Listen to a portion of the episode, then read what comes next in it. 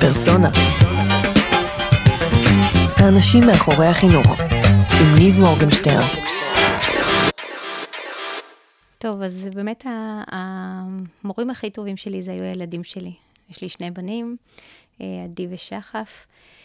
אה, כשהתחלתי בעצם, כשחזרתי לתל חי, אה, הבן הגדול שלי למד יום בשבוע, זה, זה כל כך נחרד בי, שהוא למד יום בשבוע באוניברסיטה, הוא היה בכיתה ה', אני חושבת, וזה, הוא למד שם אסטרופיזיקה.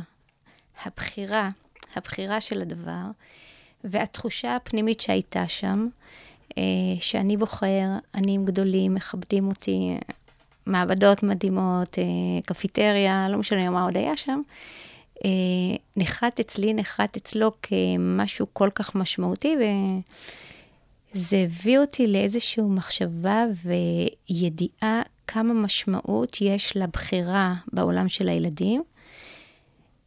אה, לבחירה והיכולת באמצעות הבחירה לקחת את האחריות על הדברים שלהם, כי אנחנו כל הזמן רוצים שהילדים יהיו אחראים, ואנחנו אומרים, אבל איך ילד בן 6, 8, 10, 12, זה לא משנה, או 18, לוקח אחריות.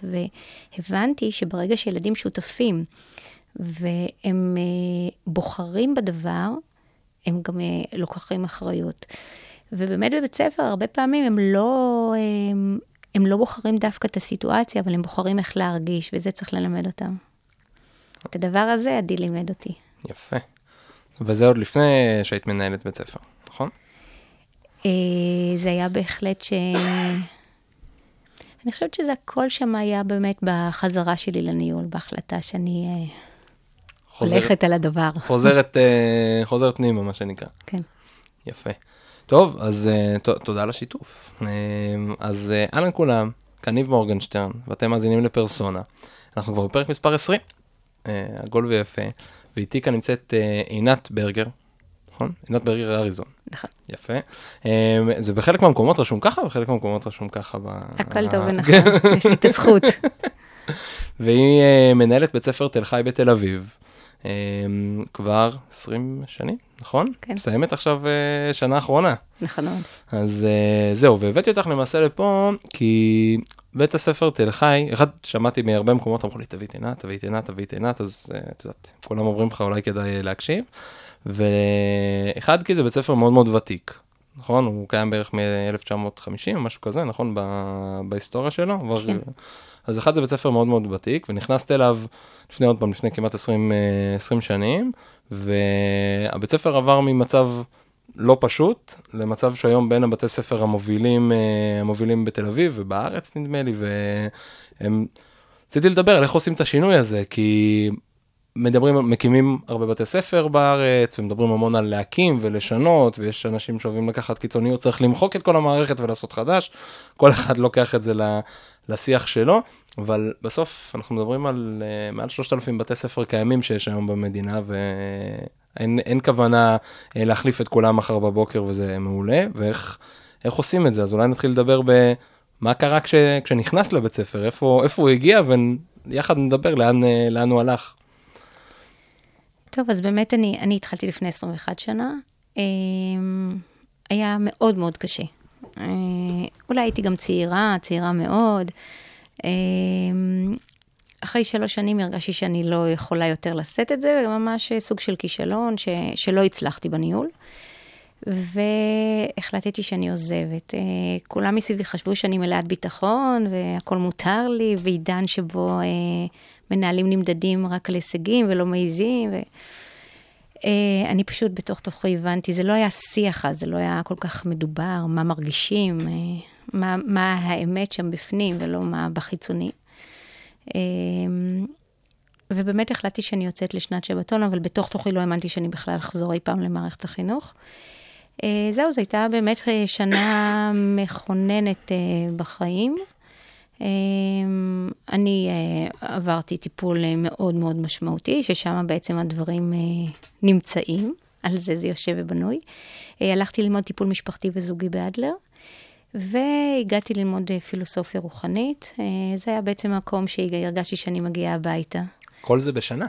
כל זה התחיל בשנה הזו. אה, כן, אז כמובן, לימודים, אה, למדתי את זה ארבע שנים, וכמובן שזה, אחר כך המשכתי ולמדתי פסיכולוגיה טרנס-פרסונלית, אה, שזה הפסיכולוגיה הקונבנציונלית עם הפסיכולוגיה של הרוח. ונבנה שם משהו אה, חדש מחדש. אה, אני חושבת שבעצם ב- ב- בשנה הזו, וככה בסביבות אפריל, שהתחלתי לחשוב בעצם מה אני רוצה, אה, היה חיבור מאוד בעצם ל- לייעוד שלי בעולם, לתפקיד, אה, מה, מה אני באמת שמה, בעמוק הטהור שלי באמת אה, רוצה לעשות. והבנתי שזה התפקיד שלי. מאוד התלבטתי. אני חושבת שנקודת המוצא, בניגוד לשלוש שנים לפני כן, ש... שפשוט הגעתי לניהול, פה באמת בחרתי. אמ, עכשיו, איך זה עובד? זאת אומרת, מתי את, את יוצאת לשנת שבתון, אז התפקיד נשמר? התפקיד, אה, כן, בעיקרון לפי החוק, אה, מנהל חוזר משנת שבתון, אה, מגיע לו ה... לחזור למקום. כן, זה היה גם בחירה לחזור למקום. הזה, לצוות הזה. לשכונה הזו. וזה, מתי צריך להודיע? זאת אומרת, יצאת לשנת שבתון בסוף השנה, זה סוף אה, יוני, נכון? נכון, וזה היה בטח, אני מניחה, סביבות מרץ-אפריל כזה. ובמרץ-אפריל כבר צריך להחליט אה, כן. שחוזרים. כן, אני זוכרת שזה היה אפריל ככה, שמאוד, שככה מאוד התלבטתי, ו... אה, זהו, וחזרתי, החלטתי שאני חוזרת, והיה לי ברור שאני חוזרת 100% עינת. זה מתאים למערכת, זה נפלא, זה לא מתאים, זה, זה נפלא בדיוק באותה מידה. אני חושבת שנקודת המוצא שהייתה שם כל כך משמעותית, זה היה התחושה הפנימית שאני בעצם יכולה לעשות כל דבר בחיים. זאת אומרת, מין תחושה, זה לא משנה בכלל מה המציאות, זה משנה לו מה, מה אתה מאמין, מרגיש. אה, והרגשתי שאני פשוט יכולה להיות מנכ"לית של כל דבר. בתהליך שעברת, למעשה. בתהליך שעברתי, בוודאי. והכוח הזה, אני חושבת, והכוח והידיעה שאתה בעצם הולך עם האמת שלך, עם החלומות. אה, לא חושבת שידעתי בדיוק במה הצעדים שאני הולכת לעשות, אבל הייתה, איזו, הייתה ידיעה פנימית מה, מה נכון, מה צריך במערכת. אמ, כמו שדיברנו קודם, אני חושבת שגם ה, באמת ה, ה, זה שהיו לי כבר ילדים, ילד ש, שהיה כבר אה, סביבות כיתה ה' וילד שנכנס רק למערכת, אה, אני חושבת שזה היה איזו יכולת להתבונן באמת מה, מה צריכים הילדים של הדור הזה. הבן הגדול שלי, שהוא ילד אינדיגו מובהק, שהגיע לפני 32 שנה, זה, זה, אז היה את זה בבודדת. היום... חושבת ש, שרוב הילדים הם, הם באמת, זה, זה הסוג הילדים שהרבה פעמים אנחנו מקבלים אותם היום כבעיות של קשב וריכוז, mm-hmm. ילדים מאוד אינטליגנטים, ופערים מאוד מאוד גדולים בין השכל והרגש. יש להם okay. אוקיי. תפקיד מאוד גדול, אבל זה לא פשוט, לא כהורים ולא כמורים, אה, אה, להוביל ילדים מהסוג הזה. והחלטת שבזה את רוצה להתמקד בבית ספר? החלטתי שאני... אה, מחפשת את הדרך ומדייקת מה באמת הילדים של הדור הזה זקוקים. זאת אומרת, אם אנחנו רוצים שילדים באמת אה, יהיו מושרים, ימצאו את הפוטנציאל שלהם, אה, יצליחו, ב... צריך היה לחפש מה באמת אה, אה, יהיה מדויק, מה, מה יעשה את השקט הזה ולא את, ה... את הרעש שאני הרגשתי. אני חושבת שמה שהרגשתי בעיקר זה סוג של רעשים. אני הרבה פעמים מדמה את הנשמה שלי לנשמה של ילד. אוקיי. Okay. ואם אני בתור מבוגר, יש לי יותר מדי רעש ודחיסות, אז מה הילד שהוא פחות מסוגל לנהל את עצמו, פחות כלים יש לו באמת אה, לווסת את הדברים. אה, אני חושבת שפה התחילה המחשבה איך באמת מדייקים את זה ל... אה, ואנחנו רואים, אני חושבת שהרגשתי את זה לפני 32 אה, שנה שאני אה, ילדתי את עדי, והיה לי ברור שיש לי ילד מאוד מאוד אינטליגנטי. ויחד עם זה, איך הוא לא, ראיתי איך הוא לא מסתדר בתוך מערכת החינוך. אז זה יפה, כי כאילו למעשה מה, ש, מה שאני מרגיש, לפחות ממה שסיפרת עד עכשיו, זה שקרו פה כמה תהליכים. היה פה גם את הבן שלך, רועי, נכון? עדי. עדי, סליחה. גם את עדי, שראית כאילו את החוויה כהורה וכבן אדם אהוב עלייך אה, אה, ומה הוא חווה. וגם את החוויה האישית שלך uh, כמנהלת, שלך היה את הרעש הפנימי שהרגשת שאת לא מצליחה להתמודד איתו, וכאילו מצאת איזשהו פוקוס פנימי קודם שלך, ואז החלת אותו כאילו כלפי חוץ, בתוך, בתוך הבית ספר שהחלטת לחזור. אני חושבת שזה עוד נכון. יותר מורכב מזה, כי okay. אוקיי. um, הדיכאון שלי, בעצם מה שהוא הביא, הוא הביא ליכולת uh, לזקק שם באמת את האיכויות, um, ולגעת דווקא בעוצמות. הרבה פעמים, uh, מתוך... Uh, הבתים שאנחנו גדלים בהם, והחברה, ויש המון שיפוט והמון ביקורת, ונחרט שם, ודווקא אצל אנשים שמאוד, זה כמו ילדי האינדיגו, מאוד אינטליגנטים, אבל מאוד רגישים, אז דווקא אצל נשמות שהן מאוד רגישות, אז נחרט שם המקום שהוא מאוד של, של שיפוט, של ביקורת, של מה אתה לא. ובו בזמן שאצל כל אחד יש כל כך הרבה מטען חיובי של אה, יכולות, כישורים, אני מוקפת באנשים כל כך מוכשרים, זה רק צריך לעזור לכל אחד באמת לגלות את, ה, את הנפלאות שיש שם. אמ, אז איך עושים את זה? זהו, אז אה, אני חושבת שבעיקר התהליכים הם תהליכים רגשיים פנימיים, שבו אתה אה, באמת לומד להכיר את, ה, את האיכויות. אה, אני אה, לפני שנים, כבר אה, כשחזרתי בעצם זה 17 שנה, אה, עבדתי עם דוקטור נמרוד שיינמן, שהוא פיתח את שפת הקשב, מה שהיום אנחנו קוראים לזה המיינדפולנס, שבאמת בבית ספר תל חי אנחנו פיתחנו את זה עם השנים. זה התחיל כמשהו מאוד בסיסי, והוא גדל והתפתח, באמת עם ניסיון של הרבה מאוד שנים שיש לנו.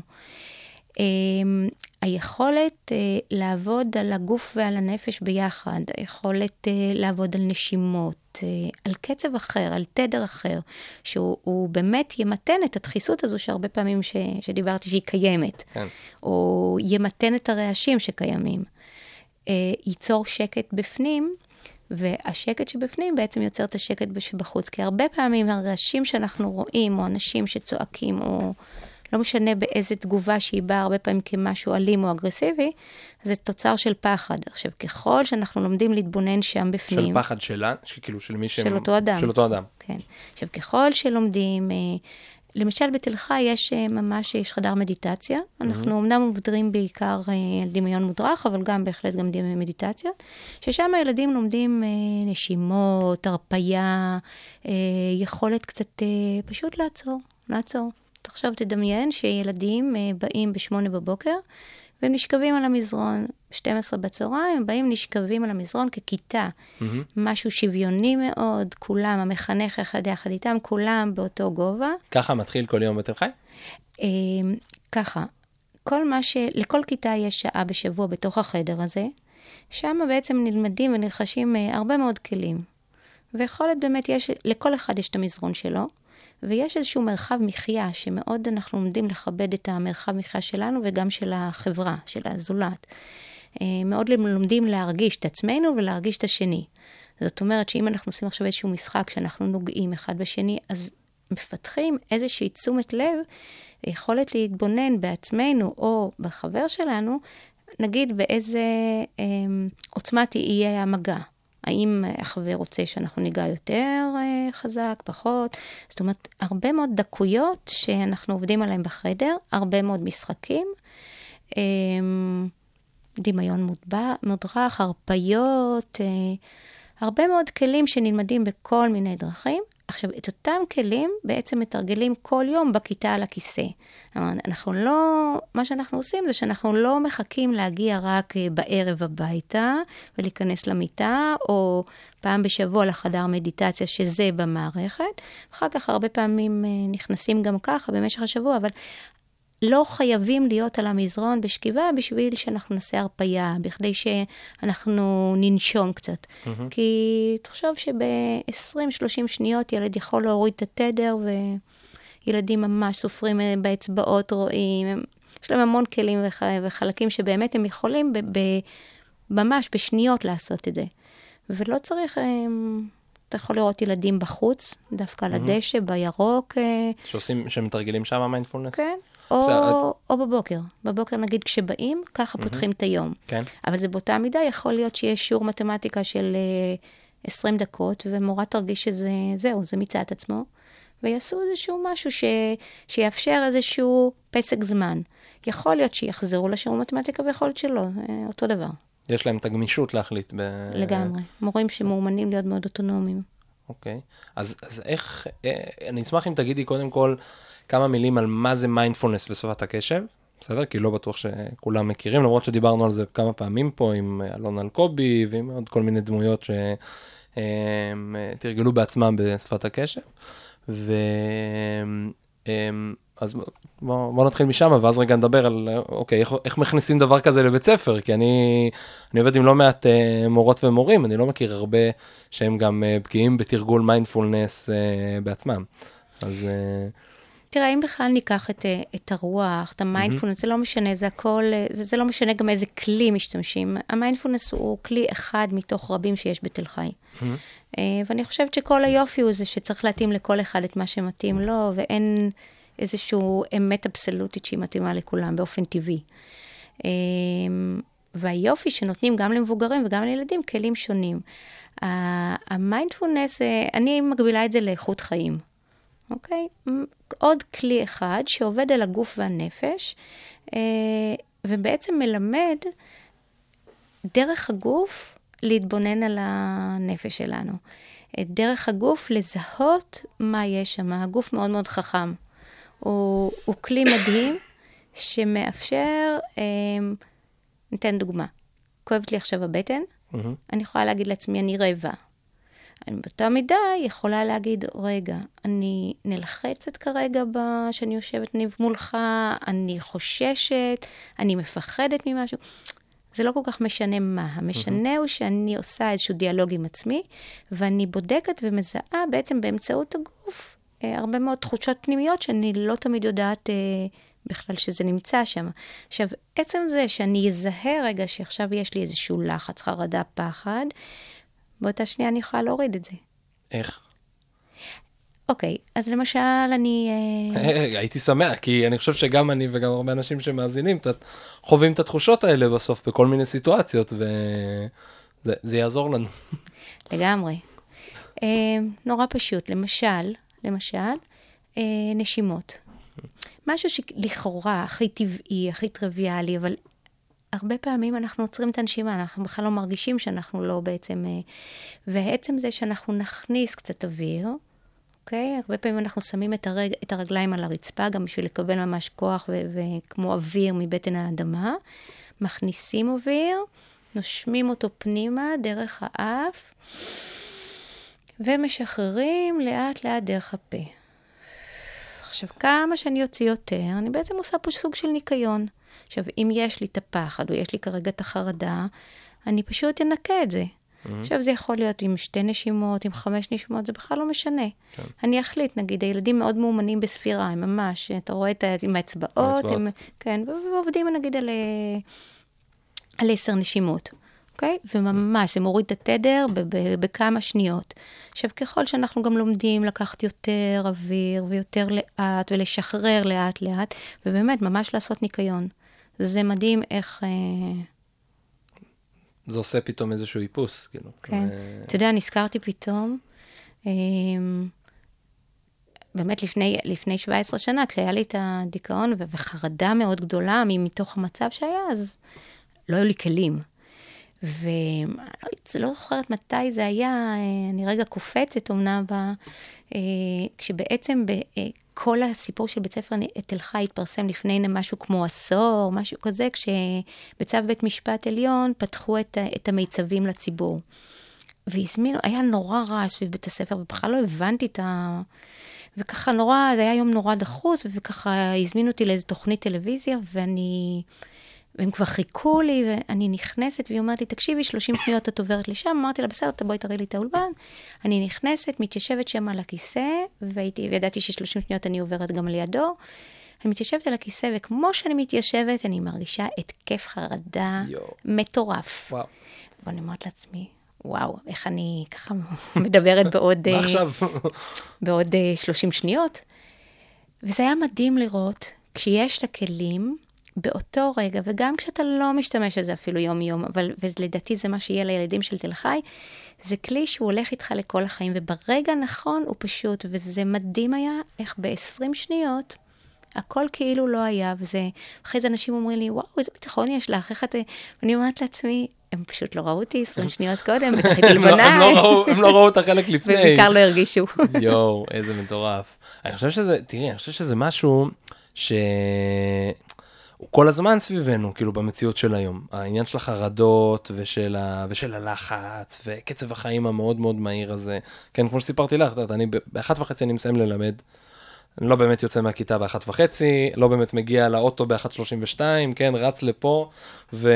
ומתחיל לרוץ לעשות. הרבה פעמים אתה נמצא בתוך uh, מין, מתוך מרוץ כזה בחיים, והיכולת ללמוד להוריד את הקצב היא, היא קריטית, אה, אני חושב. אני... אני, אני מרגישה שזה בכלל לא משנה באיזה תחום בן אדם מתעסק. לגמרי. הם פשוט עסוקים באמת, ואם זה לא בעבודה, זה בבית, והמתחים והדאגות, זה כן. אינטנסיבי בכל, באמת בכל שטח. ואז כשיש באמת לאנשים את הכלים האלה, זה משנה חיים. אני רואה, אני רואה קבוצות מתל חי של, אה, זה לא משנה אם זה...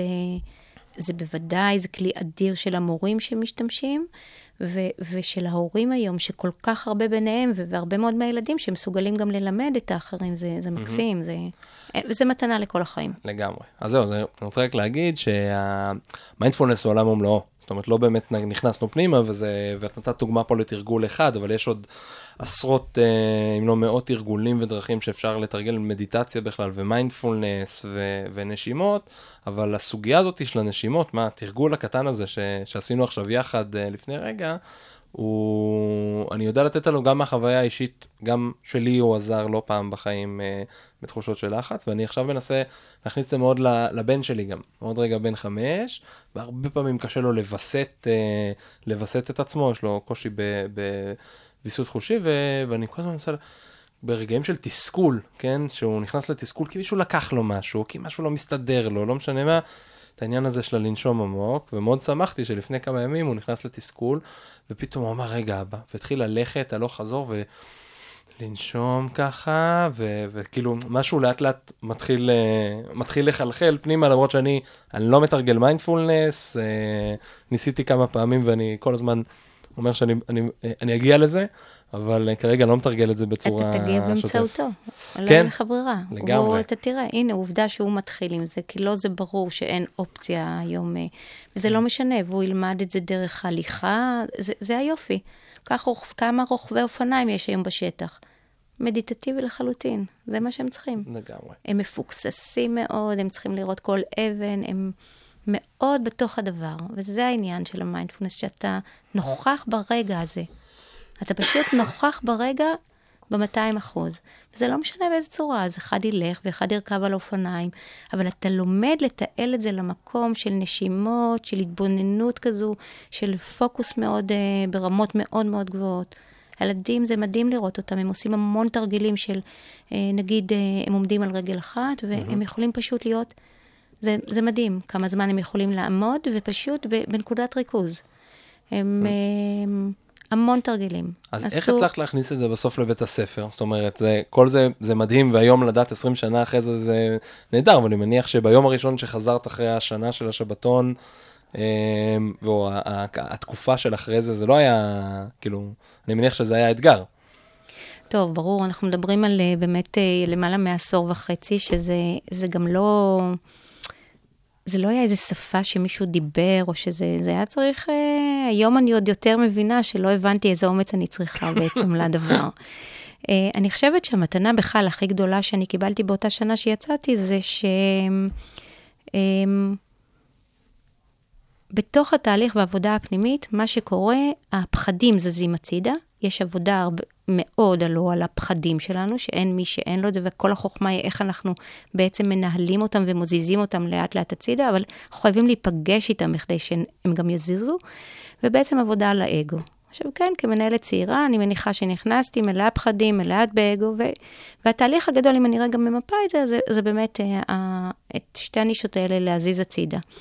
ואני חושבת שהיופי היה שלי, שבאמת אני, אני נטולת אגו. לא הייתי צריכה לדבר את הדברים, אני פשוט עשיתי אותם. אה, ואני הייתי נכנסת לכיתות ומדברת פילוסופיה, וכל פעם נושא, לוקחת נושא אחר או משהו שהיה קורה בחברה, בבית הספר, בארץ, לא משנה מה, ומנסה לראות את זה יחד עם הילדים באיזושהי זווית אחרת, באיזושהי הסתכלות אחרת על העולם. וזהו, ולאט לאט עוד ועוד אנשים ביקשו ממני שאני אבוא אליהם דווקא לכיתה, ו... אה, התלמידים או המורים? זה התחיל עם המורים. אוקיי. זה התחיל דווקא עם המורים.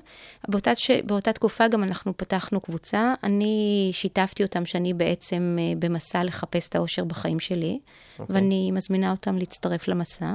וואו. אה, מכיוון שהבנתי אה, מהילדים שלי את מהות הבחירה מאוד מהר, אז הבנתי שזה חייב להיות מתוך בחירה של אדם. אתה לא יכול להכריח בן אדם להיות מאושר. אה, צריך לבחור ו- ולעבוד קשה בשביל אה, להיות כן. שם. אמ, זהו, אנחנו, התחילה, הייתה קבוצה, אני ממש זוכרת, ימי ראשון, שש בערב, אצלי בבית, ואנשים נכנסו ויצאו ונבהלו, וק, וקראנו ספרים ביחד, ונוצרה קבוצה ככה בחדר המורים, שהיינו בצ... ככה כל פעם מדברים, ומי שלא היה בתוך הקבוצה, אז אתה יודע, היה יושב יותר בצד ורק מאזין, ובשלבים מסוימים כל אחד כאילו אמר רוצה להיות, לא רוצה להיות, mm-hmm. והכל בסדר. אה, וכן, ולאט לאט אנשים הצטרפו והצטרפו, וככה אה, זה הפך להיות משהו שהוא באמת אה, כלל בית ספרי.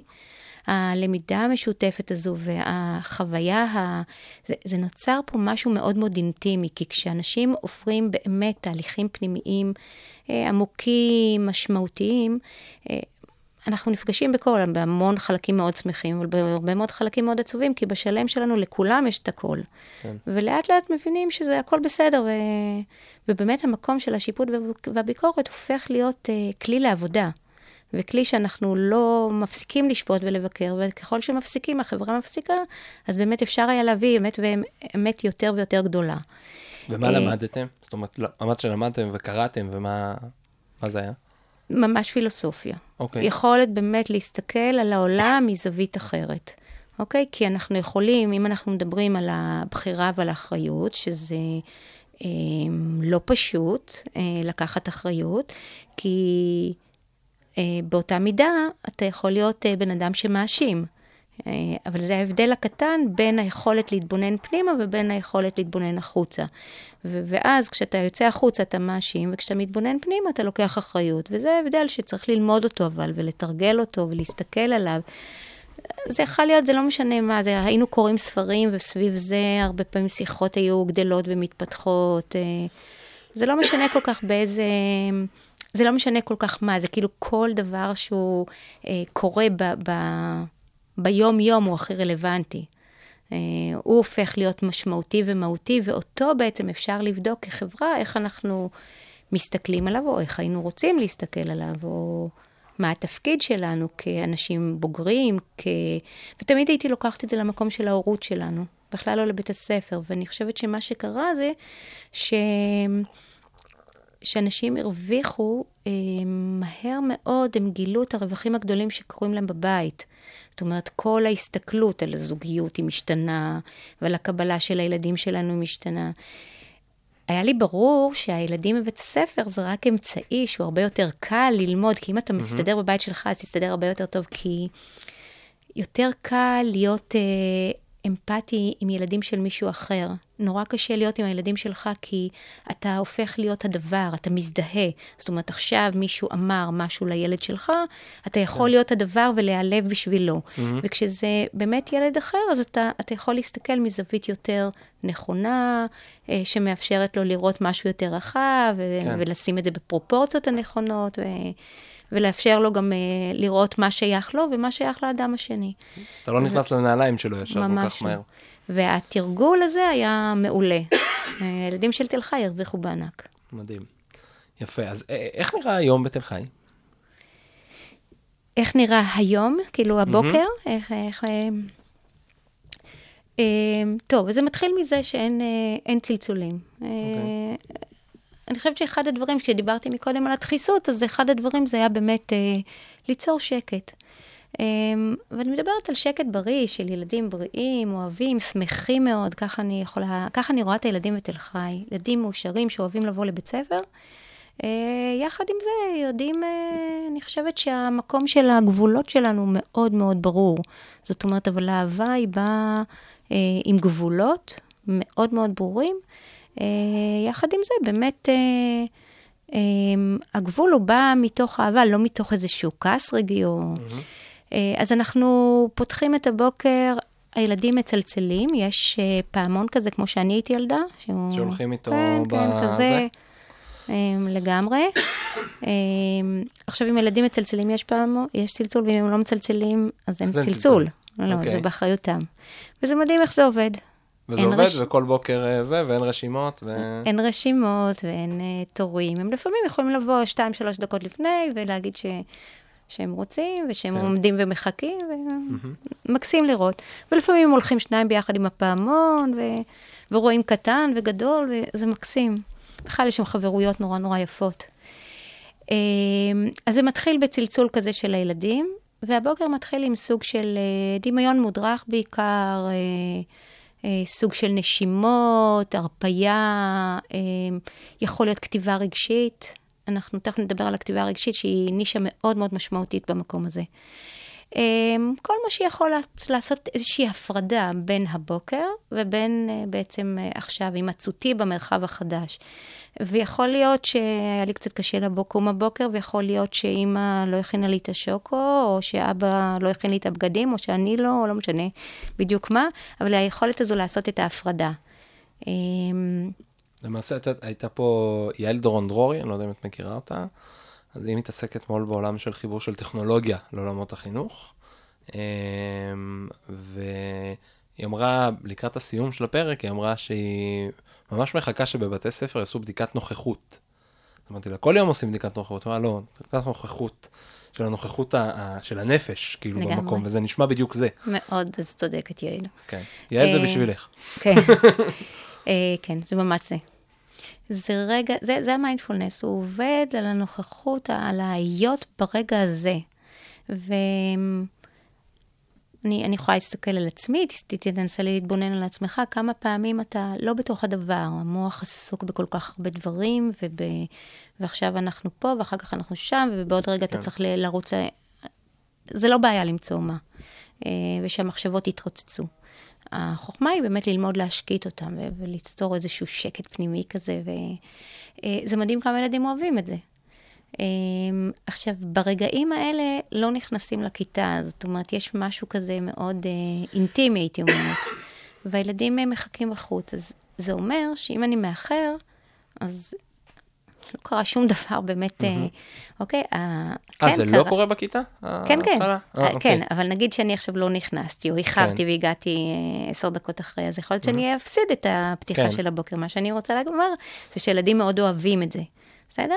אז זה בחירה משהו שלהם. שמושך אותם למעשה. נכון, נכון. ו- וזה בחירה, זה בחירה להגיע בזמן, זה בחירה לאחר, זה הכל בחירות, וצריך כן. ללמד שזה בחירות, אוקיי? צריך לתרגל את הדבר ולהבין, ולכן בתל חי גם עובדים מאוד על... אה, אה, שלכל אה, לכל בחירה או לכל דבר יש את התוצאה שלו.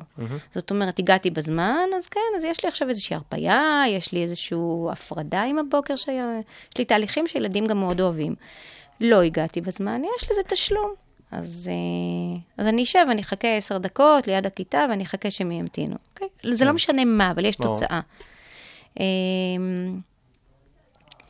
זהו, אז אנחנו מתחילים ככה במין אה, הרפייה, אה, כתיבה רגשית, יש להם אה, מחברות של אה, מסע, אה, אה, התבוננות מאוד פנימה, הילדים מקריאים, הילדים יכולים לא להקריא, מה- לא מה הם להראות עושים לאף אחד. בכתיבה רגשית? טוב, הכתיבה הרגשית היא, היא בכלל, היא כלי, היא כלי מדהים, אה, כוח אדיר, אני מאוד אוהבת את זה ככלי טיפולי. אה, פשוט, אה, בכלל, ללמד אה, לכתוב מזרם התודעה, זאת אומרת, זה יכול להיות גם ג'יבריש. אוקיי. אה, אבל אין, שוב פעם, אנחנו חוזרים לתרגול של כל הזמן שאין שיפוט ואין ביקורת. אז אני יכול לכתוב מאוד ענייני ומאוד, ואני יכול לכתוב משהו ש... יהיה את כל אותיות ולא יהיה את כל אותיות, והכל בסדר והכל נכון. מהר מאוד הילדים מגיעים לכתיבה של ממש של כמה עמודים, שבו יש איזשהו כל ניקיון. בוקר? זה, זה נורא אה, הליכה כזו של משותפת ודיאלוג פנימי של אה, המחנך וה, והילדים ביחד. עכשיו, יכול להיות שאחד יצייר ואחד יכתוב, אה, ואחד ישב ו- ו- ויבהה, Mm-hmm. זה גם בסדר. אה, כי זה בדיוק העניין שכל אחד ילמד להתאים מה, מה מאוד נכון, או מה נכון גם ברגע הזה. יכול להיות ילד שמאוד אוהב את הכתיבה, וכרגע זה לא מתאים לו, וזה גם בסדר גמור. אמ, אבל התרגול היומיומי הזה, הוא מאפשר מאוד שטף של כתיבה, של כתיבה. אמ, אני מרגישה שזה ממש כלי לאקדמיה, שיכול לה, להעלות מאוד מאוד את רמת הכתיבה. החיבור הרגשי הזה מאוד העלה את הרמה השפתית בתל חי. מאוד, אה, מדהים. אנחנו פעם עשינו ממש ניסוי, ולקחנו הרכב של ילדים ככה יותר נמוכים, וזה פשוט מדהים מה שזה עשה להם אה, וואו. מבחינה... איך, איך, איך אה, עושים את זה מחר בבוקר? זאת אומרת, אם אני עכשיו אה, מורה שרוצה לעשות את זה, או מורה שרוצה לעשות את זה בכיתה מחר בבוקר שלי, מה... תראו, אה, תראה, אה, אני חושבת שאפשר לעשות את זה בכמה רובדים. Mm-hmm. יש רובד אחד שהוא הרובד שבאמת תל חי עוסק, וזה מה שאני עוסקת בו, ושאני, אני, כמו שאתה יודע, אני גם פורשת אחרי 20 שנה.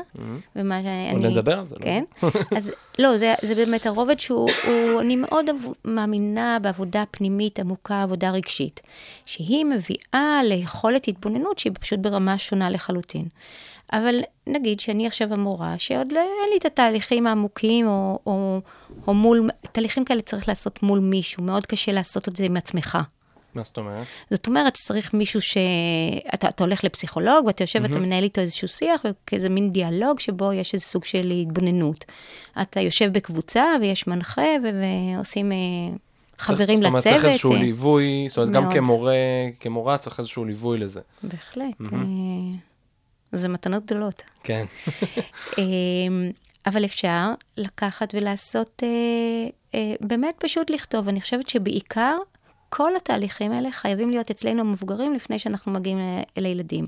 אז אם אני רוצה לתרגל נגיד זר, כתיבה מזרם התודעה, פשוט לקחת שלושה עמודים ולהתחיל לכתוב. עכשיו לעשות את זה יום אחד, לעשות את זה יומיים, לעשות את זה חמישה ימים, ממש להתחיל לתרגל. זה, זה הכל אימון, זה כלים, כולם. זה, זה כלים ש... אה, כמו חדך כושר. אתה מתאמן, זה שירים שצריך לאמן אותם. בהתחלה כותבים חצי עמוד ואין מה לכתוב. ואחר כך אה, יש אה, קצת יותר, ואחר כך, ממש, זה משהו ש... ואחר כך זה פשוט משתפך. עכשיו, המקום הזה שמשתפך, הוא עושה ניקיונות שאי אפשר לתאר אותם. אפשר, אה, אפשר לעשות סבב עם הילדים, שבו אנחנו, כל, כל אחד אומר מילה, כזה מילה של, של הרגשה. עם מה קמתי הבוקר. אז אני עצוב, אני שמח, ואני בדיכאון, ואני שלב, ואני מאושר, זה בכלל לא משנה, זה הכל אותו כן. דבר. ואפשר לקחת ו...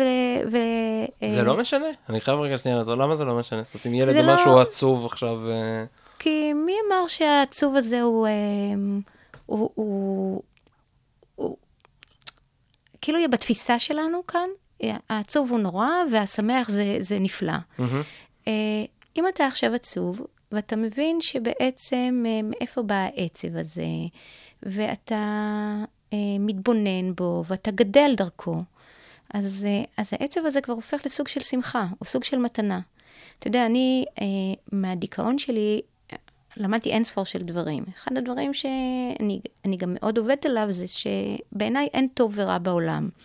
זאת אומרת, כל ההתפתחויות שלנו כל, לא קורות באופן ליניארי, כשהמצב הוא ליניארי והכל מאוד מאוד אה, סדיר כזה, אלא הן קורות דווקא אה, כשיש איזו מהמורה, או אה, שם קורית ההתבוננות הגדולה, ושם הגדילה, הגדילה האמיתית, שם אתה מתפתח. כן. ולא, מה אנחנו מחפשים פה? אנחנו מחפשים באמת כל הזמן לגדול ולהתפתח, ושאתה תוכל לעמוד מול הילד שלך, ו...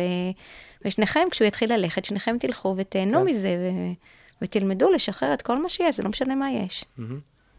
לכן, אז גם אם יש כרגע את העצב, זה הכל בסדר. זה בסדר, לא כי צריך בעוד לעשות מזה- שנייה בדיוק אתה יכול לבחור גם רגש אחר. כן. את- אנחנו גם לומדים כמה זה בחירה. ואם אנחנו מבינים שזה בחירה, זה כוח, כי זה, כי זה בידיים שלנו, זה לא, זה לא איזה, יש שם משהו עליון שהוא מנהל את הדברים, ממש לא. זה העליון הזה נמצא בתוכנו. אני מסכים, והרבה פעמים אני רואה בחלק מהכיתות שלי שיש uh, תלמידים מאוד רגישים, זאת אומרת, למקום כזה של אם עכשיו יש משהו עצוב, אז, uh, או איזה נושא עצוב, אז הם מאוד נכנסים לזה אפילו קצת לאיזושהי חרדה כזאת, שכאילו, לא, אנחנו לא רוצים לשקוע בזה ולא רוצים להתעסק בזה, ו... מהר מאוד הם יוצאים מזה, כן? כאילו זה מין רגש כזה שמהר מאוד קופצים ממנו למקום אחר עם הגירוי הנכון, אבל כאילו לא מוצאים את המקום של להבין, בסדר, אני מרגיש את זה עכשיו, וזה עוד מעט אה, יעבור, זה משהו שיחלוף לי. זאת אומרת, אה, עם הזמן. כן, אבל זה, הם, הם לומדים את זה איפשהו, כן. שרגש שהוא לכאורה שלילי באינטרפטציה שלהם, mm-hmm. אה, כאילו צריך אה, לקפוץ ישר ל, לרגש האחר. Mm-hmm. עכשיו, זה בדיוק כמו יבלת שנשים לה פלסטר, היא כן. צריך להתפוצץ. ואז זה מתפוצץ בכעסים, באלימות, במשהו ש... וברגעים שאנחנו לא היינו כל כך רוצים שזה יתפוצץ. עכשיו, כשלומדים כל הזמן כן להביא את זה ולדבר את זה, ו... אמרה לי איזו ילדה מקסימה, יש עוד 20 ו... אני לא יודעת כמה, זה היה, שהיה 27 יום לסיום. אני לא יכולה לדבר פרידה. אני, קשה לי להיפרד, אני אוהבת כאן את הכל, והיא צריכה לעבור לכ... לחטיבה. וואו. והיא אמרה לי, אני לא רוצה לדבר את זה, אבל אני יודעת שיש 27 יום, אחר כך יהיו 20 יום, יהיו עשרה, ויהיה יום אחד, ואז כבר לא יהיה לי עם מי לדבר את זה. זה היה נורא יפה. והיא רצתה לדעת איך אני מרגישה עם הפרידה שלי. Mm-hmm. עכשיו, ילדים כאלה, שיש להם את היכולת להתחיל לדבר ולנהל את עצמם, אנחנו שתינו עכשיו מארגנות, מעגלי הקשבה שהם עוסקים בנושא של פרידה. שתינו ביחד לכל ילדי בית הספר. את והילדה? כן. וואו, איזה יופי. מדהים, בדיוק היום היא הכינה מכתבים ובר... ו... הזמנה. הזמנה, אה, כן, ממש. מדהים. אה, כן, קבוצות לא, של... גם אה, נוצר פה יחס מאוד מאוד מיוחד, כאילו, בין, בין הילדים לבינך כמנהלת, ואני מניח שזה גם מקרין על המורים. לגמרי. יחס, יחס אישי מאוד. מאוד. אני חושבת שזה כלי שבאמת אני יכולה רגע לדבר עליו, זה, זה באמת מעגלי הקשבה, שמה mm-hmm. מאפשר, הוא כלי מדהים, שבעצם מאפשר לדבר על כל דבר בעולם. עכשיו, זה כוח אדיר, מכיוון שהמעגל יושבת כיתה שלמה אה, עם מורה. בתחילת הדרך של המורים יש להם מישהו שמלווה, זה יכול להיות אני, זה יכול להיות יועצת, זה יכול להיות אנשים אה, מדהימים שיש בתל חי שהם מאוד טובים בקיום המעגלי ההקשבה. אה, ובעצם אה, יכול להיות איזשהו ערך שהמורה יביא, יכול להיות שהילדים יביאו איזשהו נושא, זה לא משנה. ו... הרעיון הוא שאנחנו לומדים לדבר בתוך, אה, בתוך המעגל על, אה, על כל דבר. אה, תחשוב שילדים בני 12 מדברים על הפחדים שלהם, אוקיי? עכשיו זה... אין ילד שלא מפחד ממשהו. גם אין מבוגר שלא מפחד. בוודאי. עכשיו, השאלה היא רק אם יש לי לגיטימציה. אם לדבר על פחד זה לא לגיטימי, אז כן, אז אני צריך לשים את הפלסטר ולהחביא את זה. כן, את המסכה. אני, כן, את המסכה. ואז זה יבוא אולי כחרדות. אה, אנחנו רואים שיש כל כך הרבה חרדות בחברה. אה, אבל אם אנחנו לומדים מגיל 6 בעצם לדבר את זה כל הזמן, זה, ושוב פעם, חדר כושר, מתאמנים, מתאמנים, מתאמנים כל שבוע, כל שבוע, זה מדהים לראות איזו יכולת אה, ביטוי רגשי, איך הילדים יודעים לדבר את הכל. אה, הם בתוך המעגל אה, מדברים, יש, יש כלל, מעט מאוד חוקים, כל אחד מדבר בתורו. יש להם איזשהו אביזר, שזה בדרך כלל הם מחזיקים אותו כחפץ, זה יכול להיות מקל אינדיאני, אבל זה יכול להיות גם כיתה שתבחר לה איזה בובה, או לא משנה מה. זה חפץ דיבור, כאילו? כן. שמי שמחזיק אותו יש כן, לו את זכות כן, שהוא מדבר. פתחו, אה, פתרו ככה משבר ב... בממשל בארצות הברית לפני, לא, לא מזמן. זה נפלא, זה מדהים כמה. באמת, היה שם איזה משהו, לא זוכר מה, והם בסוף פתרו את זה, יצא באיזושהי כתבה, שהם בסוף פתרו את זה באמצעות talking uh, stick, מה שנקרא. כאילו מקל דיבור, כן. אתה יודע, לפני 17 שנה, כשאני המצאתי את זה, אז חשבתי שאני בעצם ממציאה משהו, אבל... ואחר כך, אני לא יודעת, אחרי שנה, אחרי אני לא יודעת כמה, פתאום כאן קראתי באינטרנט ככה, ופתאום גיליתי שיש את זה בכל מיני מקומות בעולם, אז כן. אה, great mind thinks alike. לגמרי, כלי מדהים, מאפשר שייכות ברמות כל כך גבוהות ש... של כיתה, mm-hmm. ושייכות משהו בסיסי שאנחנו צריכים, מוכרחים לאפשר אותו, שהוא יהיה אה, משהו הכי בסיסי ש... שכל אדם צריך אותו. אז אם מאפשרים אותו בבית הספר, מאפשרים אותו בבית, זה, זה להתהלך בעולם שהוא בטוח. אה, להתהלך עם, אה, עם עוד אה, אנשים, לא להיות לבד, אה, כוח אדיר. אז באמת הילדים מדברים על הכל, הם משתפים, הם מספרים. הכלל המאוד uh, הנוסף שיש שם זה שלא שופטים ולא מבקרים, ושום דבר לא יוצא מתוך המעגל. אוקיי. אוקיי? שזה כלל שהוא מאוד מאוד, אם אני סיפרתי משהו ואני רוצה לספר לי על ההורים שלי, לחברים נוספים מחוץ לכיתה, אני יכולה. ילד אחר לא יכול לא להוציא את הדברים. אמ, כלי חזק מאוד, מאפשר שיח מאוד. יש, בתחילת הדרך היה איזשהו כזה מין, אני זוכרת הרבה מאוד דיאלוגים בחדר מורים, עד כמה מורה הוא מטפל, הוא לא, אז מורים הם לא מטפלים. כן, אני חושבת שההתפתחות הרגשית, היא מאפשרת איזושהי יכולת אה, שיח יותר רחב, ובכלל, אתה הופך להיות אדם יותר טוב, קשוב יותר. תחשבו שילדים מגיל 6 מתרגלים הקשבה, כי אתה כשאתה שומע שאני מספרת משהו מאוד מאוד אישי, מאוד אה, אה, משמעותי בחיים שלי, על עצמי, על הבית שלי, על החוויות שלי, על הרגשות שלי, כל האינטראקציה משתנה. אה, הילדים מאוד מקשיבים אחד לשני, מאוד אה, מפרגנים, מאוד אה, עוטפים. אני ממש זוכרת אה, סיפור מאוד קשה שהיה, שאיזה ילד... אה, אה, בא ביום ראשון בבוקר, אני ידעתי שקרה להם ככה, אה, הוא נסע עם אבא שלו והם אה, דרסו רוכב אופנ... אופניים. וואו. כן, זה היה סיפור מאוד מאוד קשה, והוא נהרג, לא משנה. והוא בא ממש, התיישב אצלי על הכורסה ככה, וככה פשוט נשם. והוא ככה סיפר לי כל מה שהיה, והתחושות, ומשטרה, ופחדים, ודברים שהיו, ואחר כך שאלתי אותו אם הוא היה רוצה לשתף את הילדים. והוא אמר לי שכן, שהוא יעלה לכיתה והוא יבקש אה, מהמורה שיהיה, שכמובן גם ילד ידע, ככה אנחנו שמענו על זה mm-hmm. בשבת, אה, והוא ישתף את הילדים והוא יבקש שיהיה מעגל הקשבה, וזה היה מדהים לראות איזה כוח, כי ילד כזה שיכל, אה, אתה יודע, אולי במקום אחר היה צריך להחביא, כי היו שם דברים לא פשוטים שקרו, mm-hmm. והיה צריך להסתיר ולהחביא, ואבא, ואבא ותקל, כל מיני חלקים לא, לא פשוטים. אמ, ובמקום להסתיר, אה, הוא בא, הוא שיתף את הילדים. אה, כל יום חבר אחר לקח אותו בצהריים אליו, הוא היה עטוף מאוד. אה, לא רק שהוא הוציא את הכל והוא לא היה צריך להחביא שום דבר, החברה כל כך עטפה אותו, כל כך הייתה אותו, כל כך הייתה מאומנת בלא לשפוט. כוח אדיר, פשוט כוח שאי אפשר, זה, כן. שזה משהו שיכול מאוד לרסק אותו. זאת אומרת, זה אירוע שיכל לרסק אותו, לגמרי, ולהפך... לגמרי. קרו שם דברים לא פשוטים. ו... אה, כן, הוא נכנס לאינטרנט והוא גילה מה קרה לו, הם ברחו, כל מיני דברים ש... כן, לא, לא, לא פשוטים, חוויות של ילד מאוד קשות. ו... וכמה... מה שנקרא, גם למבוגרים זה לא פשוט, ולילדים ברור. אחת כמה וכמה. ברור. וכמה אה, עוצמה יש לחברה שלנו ליצור אה, באמת מציאות אחרת. עכשיו אני רוצה לשאול אותך שאלה, מה, מה היה האתגרים? מה היו הקשיים במהלך הדרך? אה, כי הרי לאורך הדרך להוביל כזה שינוי, שאני מניח שחלק מהמורות היו ותיקות יותר ממך, ואולי אפילו חלק מבוגרות יותר ממך, כמו שקורה בטבע של, אה, של צוות בית ספר. ואיך, איזה, איזה, איזה אתגרים את זוכרת ככה, שהיית צריכה להתגבר עליהם בתהליך, בתהליך הזה? אמ, טוב, ברור, היו המון אתגרים. קודם כל צריך לזכור שבניגוד להיום, אני פשוט הייתי לבד. אומרת, בא איזשהו, כמו איזה... זה כמו, לא יודעת אפילו להגדיר את זה, אבל היו לי המון דימויים באותה תקופה.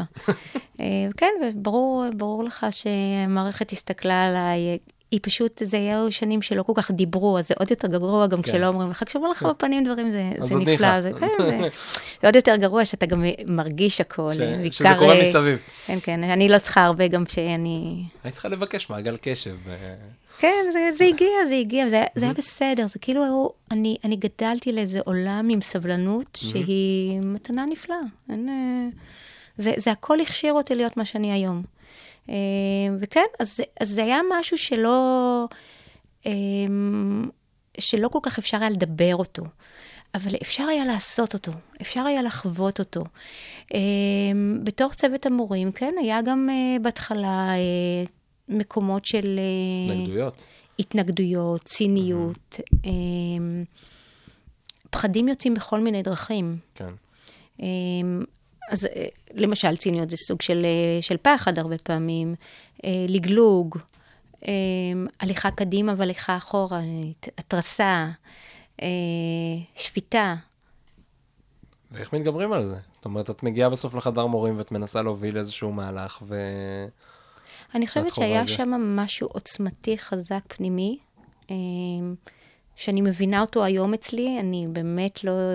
אבל זו מתנה שקיבלתי, ממש מתנה, אה, מתוך כאב מאוד גדול. אה, זה היה צריך לחוות באמת חוויה מאוד מאוד קשה, אבל החוויה הקשה הזו הביאה לעוצמות פנימיים כאלה שזה היה בסדר, אני, אני גם ידעתי, זה, זה מין תחושה פנימית כזו, שאתה יודע שזה הדרך, שזה, שאנשים בשביל אה, להתפתח ולעשות משהו אחר, חייבים אה, אה, לכעוס את זה, לכאוב את זה, לדבר את הפחד שלהם, ו- ולפחד יש צורות והיבטים שונים.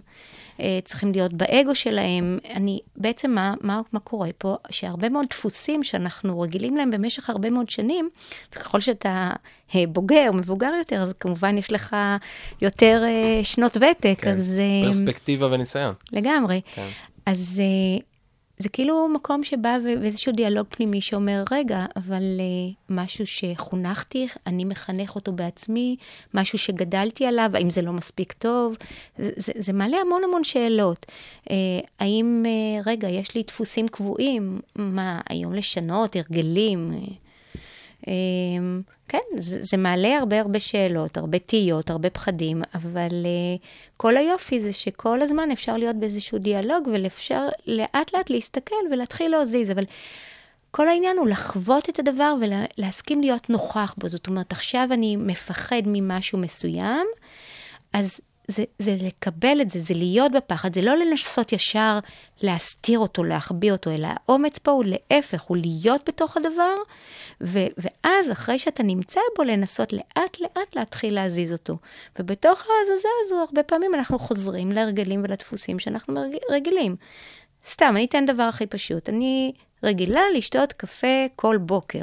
אוקיי? יש לי דפוס כזה. כן. עכשיו, מתי אנחנו יודעים שזה דפוס? שאנחנו חייבים לעשות אותו. עכשיו, ככל שאנחנו יכולים לנקות יותר ויותר דפוסים, יותר פשוט לנו ויותר קל. כי אם אתה מותנה במשהו חיצוני ולא פנימי, אז זה פשוט יותר קשה. כן. זאת אומרת, אין לי עכשיו את כי הקפה. אז שיש שינוי, אז... אה, נכון, כן. ויש המון המון שינויים, ואנחנו צריכים בטח ובטח לגדל את הדור הזה של הילדים היום. אה, עם כוח פנימי כזה שהוא לא יהיה נתון לשום שינוי. זאת אומרת, שגם אם יהיה קפה בבוקר וגם אם לא יהיה קפה, היום, היום שלי. יהיה מצוין. כן. בדיוק. יפה. תראי, אנחנו מגיעים כבר לסוף. אה, הזמן רץ, מה שנקרא. והייתי רוצה לשאול אותך איזה כמה שאלות אחרונות לסוף. הראשונה בהן ניב, זה... אני רוצה רגע להגיד עוד, אה, סליחה שנייה. בטח. אני, אה, אני חושבת שמשהו שההצלחה של תל חי מעולה במשהו המאוד אה, הוליסטי שיש שם, ואני חושבת שנישה שלא דיברנו, שהיא בעיניי מאוד משמעותית, זה עבודה על העוצמות והכישורים של הילדים. זאת אומרת, דיברנו על עבודה פנימית שעובדת על, דווקא על מה שיש, mm-hmm.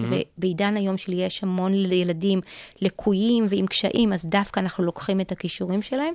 ואחת העבודות, הצורת עבודה בתל חי של האנשים, זה לעבוד דווקא עם החלקים של ילדים מוכשרים, ולאפשר להם בחירה... על העוצמות. עם העוצמות, בדיוק. Mm-hmm. ואנחנו לפני אה, שבוע העלינו אה, אה, הצגות, כל ההצגה הייתה עם 400 איש. זה מדהים לראות בית ספר רגיל, איך הוא, הוא, הוא ממש כמו בית ספר לאומנויות, מבחינת הרמה, היכולות, ילדים רגילים שלא נבחרו, שמביאים כישרון שלא אדיר. מוינו. שלא מוינו. Mm-hmm. כישרונות שלא יתוארו, עולים, במקרה הזה, אז יכול להיות באמת התיאטרון, האומנות הפלסטית, ההתעמלות אומנותית, מחול, שירה.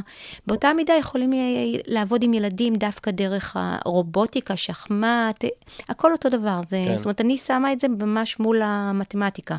ואני, והמתמטיקה חשובה לי. כן. זאת אומרת, אבל העבודה על הכישורים שלהם והכישרונות שלהם מאפשרת אחר כך להתמודד במקומות שקצת יותר קשה. ואיך עושים את זה? אז למשל, ילדים בוחרים את התחומי עניין או כישרון או משהו שהם רוצים לגדול, ו... אז בואו ניקח נגיד את התיאטרון. שילדים פה למדו טקסטים, ממש הצגה, זה היה, זה נקרא, ההצגה שעלתה הפעם, זה הייתה, היה חיוך ללא סיבה, משהו שעובדים מאוד בתל חי. זה היה על פי הסיפור של פצפונת ואנטון. ואתה יודע, נגיד ילד דיסלקטי, שפתאום לומד בעל פה. עכשיו, כולם מכירים אותו כילד שלא יודע לקרוא. כן. אוקיי? מוכשר בטירוף. אה, אבל מתרגל, לצורך המטרה הספציפית, בדיוק. מצליח לה- להתעלות על. עצמו כדי להגיע לשם. נכון. אז רגע, אתם עושים את זה דרך אה, שיעורי בחירה, או כן, שזה... כן. אוקיי. שיעורי טוב. בחירה, ואימון ותרגול דווקא דרך המקום שאתה מאוד מוכשר בו. למשל, להגיע למצוינות כזו, אתה צריך לתרגל ו- ולשמור על שקט ולעבוד ועוד פעם ועוד פעם ועוד פעם. בדיוק מה שאתה צריך לעשות, נגיד שאתה רוצה ללמוד את לוח הכפל. אתה צריך לתרגל ולשנן. עכשיו, כן. אחד הדברים שהכי קשים לילדים זה לתרגל ולשנן. כן. עכשיו, כשאתה עומד, עובד דווקא דרך המקום של החוזק שלך, ומתאמן ומשנן, ו- אז הרבה יותר קל, ואתה לומד לאט לאט להמיר את זה. סתם, קח ילד שטוב בכדורסל, הוא יעבוד, יעמוד במרחק ויזרוק עכשיו 100 פעמים. כן. בפעם העשירית, ה-15, אני לא יודעת כמה, הוא, הוא יתחיל לקלוע. עכשיו, התרגול הזה, השינון הזה, יביא אותו אחר כך לשינון שהוא צריך בעצם במתמטיקה. זאת אומרת, אנחנו עושים את ההקבלה הזו בין אותן אסטרטגיות, אה, בעצם האסטרטגיות הלימודיות, הלימודיות שמאוד, אה, בעיניי חשוב שילדים יצאו. זאת אומרת, זה לא משנה היום עוד פרק, פחות פרק, אבל כן כלים שיאפשרו להם אה, למידה של כל דבר, וזה לא משנה מה זה הדבר. זה מאוד מחבר אותי לסיפור ששמעתי, ש, שקראתי באחד הספרים של קן רובינסון, על בתי ספר יצירתיים, Creative Schools, אז הוא מספר שם על אחד, הוא מספר שם על המון בתי ספר. ואחד מהבתי ספר הוא מספר שהמנהלת והמורים החליטו לתת מקום באמת ל, ל, לדברים של התלמידים. ואז אמרו ככה, אוקיי, אנחנו נלך, יש ילד שמאוד אה, אוהב, לא יודע, פוטבול, אז אנחנו נלך אה, לעודד אותו, ואנחנו נשאל מה קורה איתו, ואנחנו נדרבן אותו לשם ונדחוף אותו, ואנחנו נהיה שם בשבילו במקום שחשוב לו.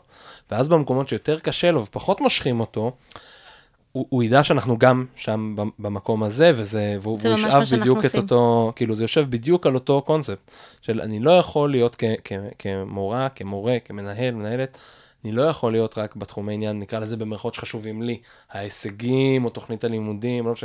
שלא לא צריך להוריד אותה, כן? אלא אני חייב להיות שם בשני המקומות בשביל הבן אדם, זה על הקשר האישי בסוף, זאת אומרת, אה, להיות שם בשבילו. לגמרי. התחלנו בשבילה. את השיחה שלפני שאנחנו מסיימים, אז התחלנו את השיחה באמת על, ה, על המורים שלי. הבן הצעיר שלי, שחף, אה, הוא אומן. אה, אוקיי. מגיל מאוד צעיר, אני, אני ידעתי שזה באמת התחום מדהים, לראות ילד שבכל כך הרבה תחומים אה, אה, כל כך מוכשר. וכשבאתי אה, פעם מהתיכון, אז אה, אה, אמרתי שאני אימא של שחף אה, ברגר, השחקן, אה, הוא, גם היום הוא שחקן. ואז אז היא אומרת לי, מי, שחף הגרפיקאי? את אימא שלו? אני אומרת לה, הגרפיקאי? זה בדיוק זה. זאת אומרת, ללכת, אה, אה, הצלם, אה, כזה. כן.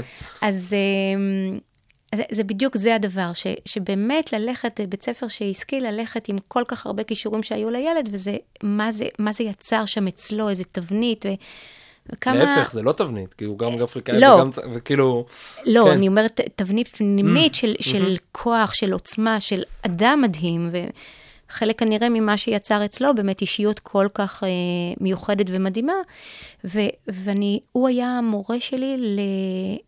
כמה האומנות חשובה בבית הספר, כמה אפשר לגדול ולגדל ילדים דרך המטען הכל כך רחב הזה ש- שאפשר, כמה זה תרפויטי, כמה... זה כל כך רחב, שכל כך יל... הרבה ילדים יכולים להתחבר שם. אה, אחת המתנות הגדולות ביותר שקיבלתי משחף זה באמת, אה, מדהים. כן. תגידי, איזה טיפ, אם יש מנהלת, אה, או מנהל, שמקשיבים לנו עכשיו, איזה טיפ היית נותנת להם, אם הם רוצים להוביל שינוי בבית ספר קיים? להתחיל עם מסע פנימי שלהם, עם עצמם, עם ה... יש במערכת החינוך אנשים מאוד מוכשרים, מאוד, אנשים מדהימים, אנשים יפים. והרבה פעמים המור... המערכת, ההורים היום, שזו נישה שהיא לא פשוטה וגם לא דיברנו אותה, נורא קל להוריד, נורא קל להתיש. אה, המותשות הזו, היא, היא מביאה למקומות שאתה לא בעצם אה, באמת מביא את היופי שלך. המקום שאתה עושה תהליכים עם עצמך ובאמת מתחבר לעוצמות ולכוחות, מאפשר באמת להביא את האנשים נבחרים היום, לא פשוט להיבחר להיות, אה, טוב, עושה הרבה מאוד תהליכים לפני, לא פשוט להיבחר אה, היום ולזכות במכרז להיות מנהל בית ספר. ובאמת יש המון אנשים מאוד טובים. אה, אני חושבת שהתהליכים הפנימיים האלה הם המחויבים. אה, כן. ממש. או, זה ממש גם התהליך שלך, כאילו, כן. ב... ולאן צועדים הלאה? לאן צועדת? אז זהו, אז? אני באמת, הצעד אה, שאני עכשיו הולכת אליו זה, זה להקים חברה שאני אעבוד עם מנהלים כאלה, מנהלים שבאמת יש המון חבר'ה מדהימים היום שהם רק מחכים, שבאמת אה, אה, הם נורא אינטליגנטים, הם יודעים שהם רק מחכים ש, שמישהו יעזור להם ויוביל אותם ו, ויהיה איתם, לא להיות לבד. אה, יעזור להם לעשות את התהליכים הפנימיים האלה, לראות באמת את העוצמה שלהם, אה, ובאמת אני רוצה לעזור אה, להם עם הצוותים, להוביל את הצוותים, ואחר כך העבודה שלי היא עבודה עם מבוגרים. אחר כך היופי הוא שהמורים יובילו את התלמידים. מה שעוד אני חושבת, שאם לפני שנים חיפשנו אנשים של מיינדפולנט, של שפת קשב, מאוד מאוד קשה היום למצוא אנשים טובים ואנשים שמסוגלים באמת להיכנס ולעמוד מול כיתה. Mm-hmm. מאוד קשה היום לעמוד מול 30 ילדים ולנהל אותם, ובטח בחדר מדיטציה. כן. אני חושבת שאם uh, אני אוכל לתת היום את הכלים האלה למורים עצמם, התהליכים יהיו קודם כל קצרים, הר, הר, זה, זה ייקח הרבה יותר, הרבה- זה יהיה ופחות. הרבה, הרבה פחות זמן. Uh, נחסוך הרבה מאוד כסף לבתי הספר.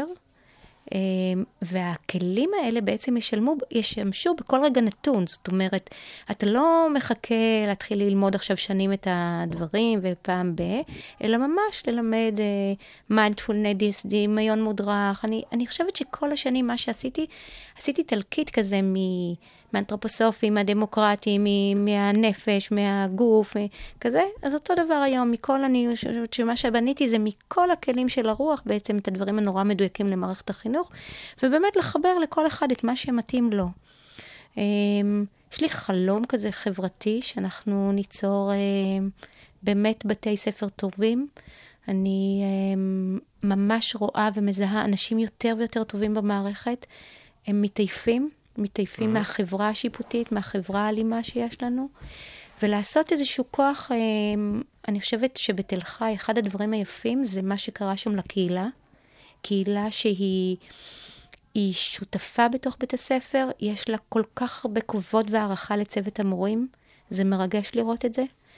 אה, כל כך הרבה עבודה משותפת, שהיא מביאה את הילדים פשוט למקום אחר, עם ילדים שממש כאילו, הרבה פעמים היו מרימים ידיים בתוך המערכת, ברגע שההורים כל כך שותפים, שותפים מלאים, ולא באים ונלחמים במורה, אלא הולכים איתו ביחד. מעורבים ולא מתערבים. לגמרי. הולכים ביחד, ובאמת נאבקים עליו ביחד.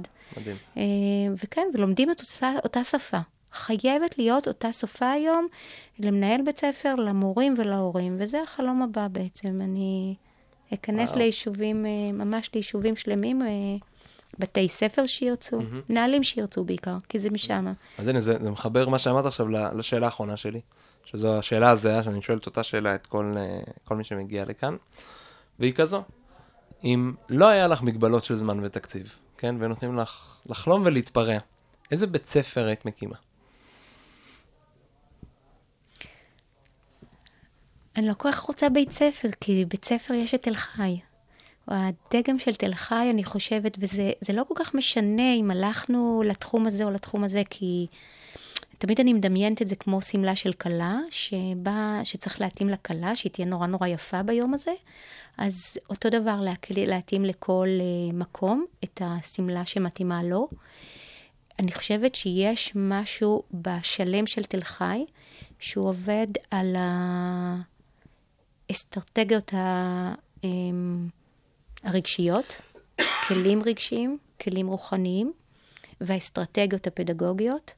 השילוב הזה של המבוגרים, שזה אומר מנהל בית ספר, המורים וההורים ביחד, שמדברים את אותה שפה, זה הבית ספר שבעיניי הוא היום ההצלחה. ואמרנו את זה בתחילת השיחה, הם לא יודעים מה, איזה, איזה באמת מקצועות יהיו בדור הבא. אנחנו כן יודעים שיצטרכו את החלקים הרגשיים. מדינת ישראל, שהיא גם נתונה באמת לכל מיני שינויים ומצבים מאוד קשים. זה מדהים איך במצבים של מתח, איך הילדים היום ואיך הקהילה של תל חי יודעת לה, טיפה לנשום, להרפות.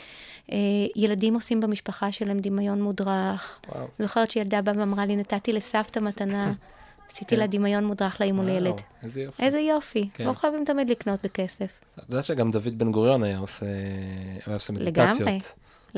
זה, שזה, יש את הספר אה, זיכרונות אחרי מותי, מהמם. שיאיר לפיד כתב אותו, וזה. כאילו טומי לפיד מספר אותו. אז הוא היה הרי עיתונאי הרבה שנים. ואחד הסיפורים שם זה שהוא טס במשלחת של עיתונאים עם ראש הממשלה למזרח, או לא זוכר לאן, והייתה פתאום עצירת פתע לא מתוכננת. וראש הממשלה נעלם. בן גוריון הזה ראש הממשלה, הוא נעלם, ואז הוא חזר, ואז הוא תפס אותו ואמר לו, מה, איפה זה? הוא אומר, הלכתי לעשות מדיטציה פה באיזה מקדש שהם עצרו במזרח איפשהו.